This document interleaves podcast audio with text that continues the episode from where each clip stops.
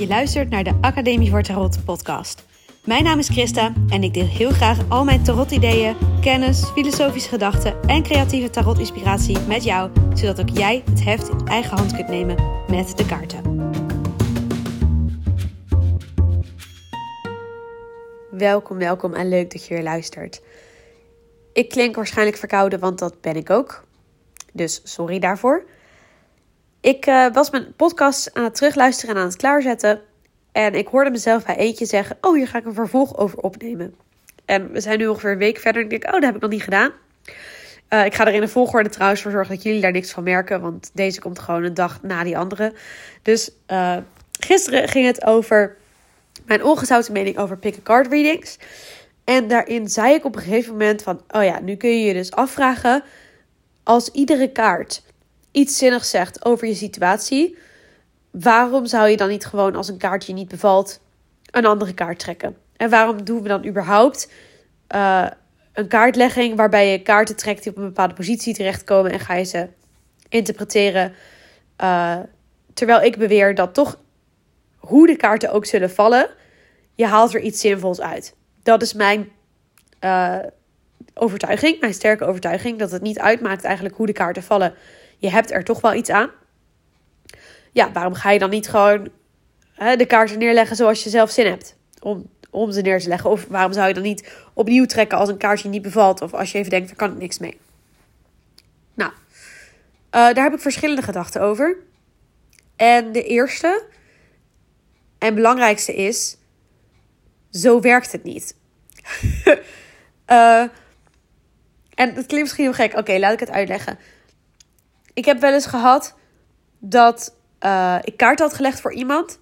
En dan kwam ik daarna in een beetje een filosofisch gesprek over hoe de kaarten werken. Zeker als ik het standpunt inneem dat het toevallig is welke kaarten er op tafel gekomen zijn. En de ervaring van degene voor wie ik de kaarten leg is anders. Die, die, diegene die ervaart het als: wauw, maar dit is toch wel bijzonder dat ik nu juist deze kaart krijg die juist dit antwoord formuleert op mijn vraag. Want ik ben hier nu zo mee geholpen met wat je mij nu vertelt over deze kaart dat is toch niet toevallig? En dan kijken ze een beetje schuin aan. denk ik, ja, misschien, misschien niet. Ik denk dat het wel toevallig is. En dan gaan ze me uitdagen. Dan gaan ze zeggen, oké, maar uh, wat dan als de kaarten andersom hadden gelegen? En dan leggen ze het, er liggen er bijvoorbeeld drie kaarten op tafel. En dan draaien ze kaart 1 en 3, wisselen ze van positie. En zeggen ze, ja, oké. En ik ben een aantal keren dat gesprek wel aangegaan. En dan heb ik gezegd, nou oké, kijk, dan kunnen we het opnieuw doen. En dan komen we misschien tot een ander inzicht, maar waarschijnlijk ook een waardevol inzicht. Oké, laten we dat doen. En dat kan dus wel, want ik heb het geprobeerd en, en het kan, het werkt. Maar wel alleen als mensen er daadwerkelijk voor openstaan. En vaak is dat niet zo. Vaak als ik dan begin met, ik zeg oké, nou laten we dan maar kijken. We doen het consult opnieuw.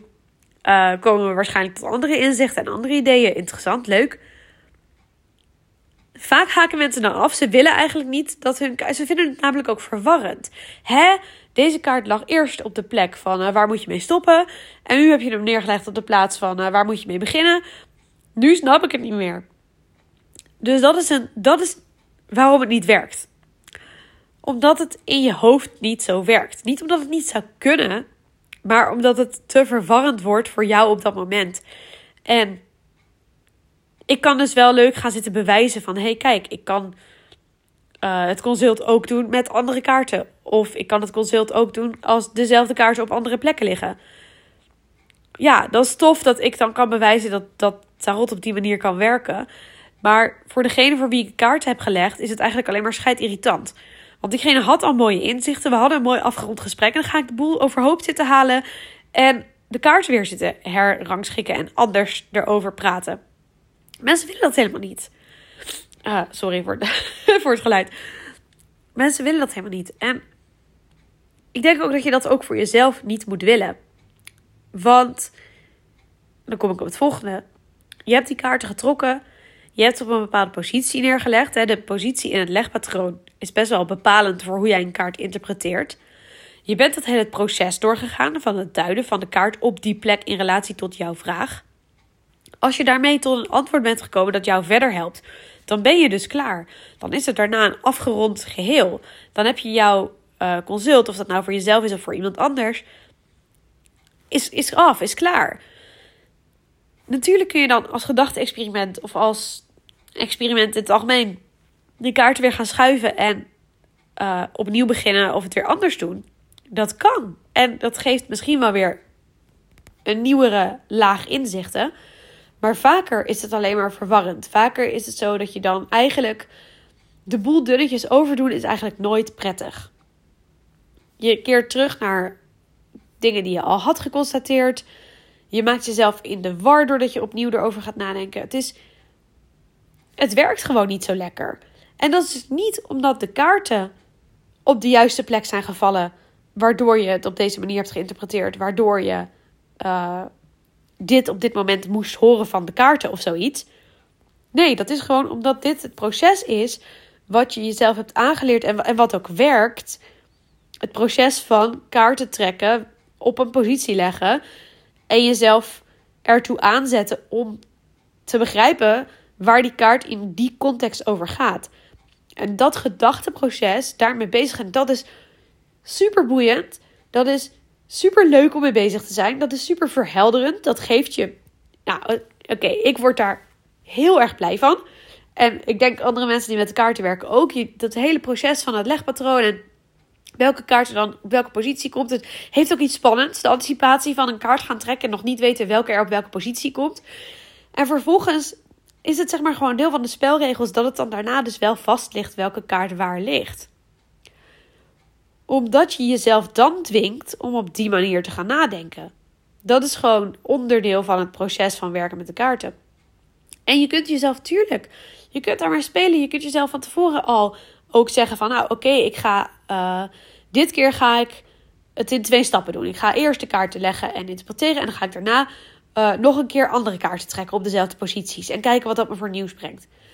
Als je dat van tevoren bedenkt, is het al iets heel anders dan als je het achteraf gaat zitten doen. Om zeg maar achteraf te gaan proberen te bewijzen dat de kaarten die op tafel kwamen de juiste waren. Of, of juist niet. Of dus in mijn geval om te bewijzen dat dat dus niet per se het geval was. Het maakt het zoveel ingewikkelder als je dat doet. Niet omdat de kaarten op deze positie terechtkomen omdat het zo had moeten zijn. Maar omdat je het jezelf ingewikkeld aan het maken bent door het op die manier te doen. En ik vind het ook juist super bevrijdend om wel allerlei manieren te onderzoeken om met die kaarten te werken die verder gaan dan kaarten leggen en op een positie leggen en dan duiden.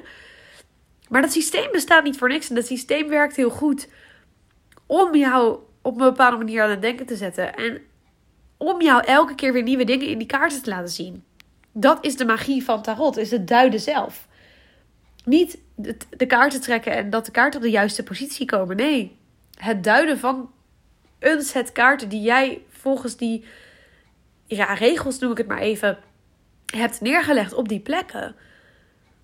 Daar zit hem de, de kracht. Dat je op die manier wordt aangezet om anders na te denken. Het is een heel psychologisch ding. En ja, de ervaring is ook spiritueel. Ik ben niet alleen maar uh, de psychologische scepticus hier. Hoewel dat misschien in sommige podcasts wel lijkt. Maar dat is niet wat ik, wat ik. Nou goed, dat is het punt nu even niet. Het punt is nu dat er een reden is om dus wel op deze manier te werken. En deze manier, daar bedoel ik dan mee. Je kiest een legpatroon. Je hebt een vraag. Je schudt de kaarten. Je trekt één kaart per positie. En je gaat duiden en je laat de kaarten liggen waar ze liggen. Dat systeem, dat werkt. En niet omdat het is dat je de juiste kaarten trekt, maar omdat dat proces jou op een bepaalde manier aan het denken zet over die kaarten. En daardoor kom je tot inzichten. Dat is mijn stellige overtuiging. En dus ga je dat niet vervolgens overhoop gooien achteraf en het opnieuw doen. Want dan raak je in de war. Dan ga je andere dingen denken. Dan ga je, ja, ga je, stappen terugzetten. Het is eigenlijk een beetje alsof je uh, je consult bij de psycholoog. Ga je ook niet twee keer met dezelfde vraag doen. Als jij bij een psycholoog komt en vraagt van... hey, uh, ik moet werken aan, uh, weet ik veel... je gaat naar een relatietherapeut. En je zegt, uh, we hebben altijd ruzie over wie er moet koken, weet ik veel. Dat issue ga je dan een uur over praten bijvoorbeeld. Nou, dan kom je niet de week erna terug en dan zeg je... ik wil graag het issue van vorige week wil ik graag opnieuw doen. We doen even alsof het niet gebeurd is. En we gaan even opnieuw praten over onze ruzie over het koken. Nee, dat doe je niet. Want dat onderwerp heb je al gehad. Dat heb je al uitgeplozen. Dat ga je niet nog een keer doen. Dat is precies hetzelfde. Nou, oké. Tot zover deze rant. Ik hoop dat je hem kon volgen. Ik hoop dat je het interessant vond. En ik ben heel benieuwd, want ik heb wel het, het idee uh, dat ik op dit punt nog steeds een beetje alleen sta. Dat ik, dat ik uh, de enige ben die. Nou, nee, laat ik, laat ik het anders zeggen. Ik ben niet de enige die dit denkt. Maar. Nou ja, ik ben wel heel benieuwd dus of mijn luisteraars dit ook denken of niet. Dus laat me alsjeblieft uh, weten. Stuur me gerust een mailtje of stuur me een berichtje via Instagram. Ik ben echt best wel makkelijk uh, te bereiken. Ik vind het super leuk om reacties te horen op deze podcast. En uh, ja, ik hoop toch ook een beetje een dialoog te starten hiermee. Dus laat van je horen. Hey, dankjewel voor het luisteren en tot de volgende.